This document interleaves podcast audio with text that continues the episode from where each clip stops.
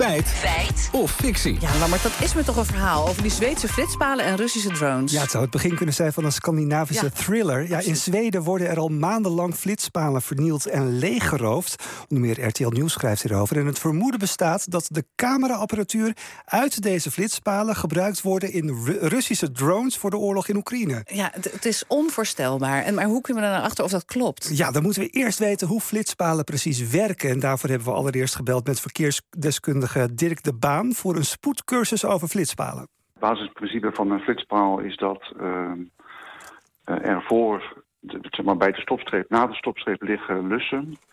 ehm, ingeslepen in het wegdek. Dat zijn koperen eh, kabels waar ele- elektriciteitsspanning op staat. En dat geeft een puls, zeg maar, dat geeft een magnetisch veld. En als dat wordt verstoord, geeft dat een puls naar de camera. Ehm, het is dus aan of uit. Ja, en op die manier weet de camera dat er dus iets overheen rijdt, legt de baan uit. De camera zelf die heeft sensoren waarmee die de snelheid eh, meet. Doorgaans worden twee foto's gemaakt. En het, verschil tussen die, die twee foto's, dus een tijdsinterval, kan de snelheid worden eh, berekend. En daarmee wordt ook eh, met dat je door rood rijdt ook nog de snelheid gemeten. En als die te hoog is, dan krijgen ze wel een boete voor door rood rijden als te hoge snelheid door rood. Ja, de camera's in flitspalen hebben natuurlijk een ontwikkeling doorgemaakt door de tijd heen. Vroeger had je camera's met een fotorolletje. ehm, wat de politie eh, telkens moest verwisselen. En tegenwoordig is dat zo dat alle camera's digitaal zijn.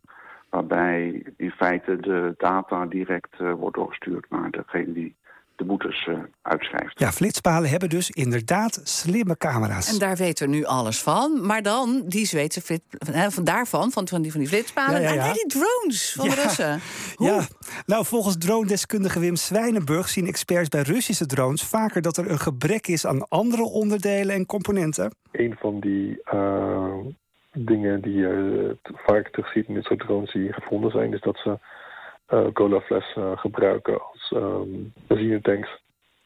Ehm, wat aangeeft dat er ehm, blijkbaar ook een tekort is aan bepaalde type onderdelen om daar een hoogwaardige eh, drone mee in elkaar te zetten. Ja, ik zag je kijken, Susanne. Ja, je hoorde het echt goed. Ze knutselen dus zelfs onderdelen in elkaar met behulp van colaflessen. En ook zijn in Oekraïne digitale spiegelreflexcamera's van Canon gevonden. Nou, Zwijnenburg vertelt dat iedereen daar makkelijk aan kan komen.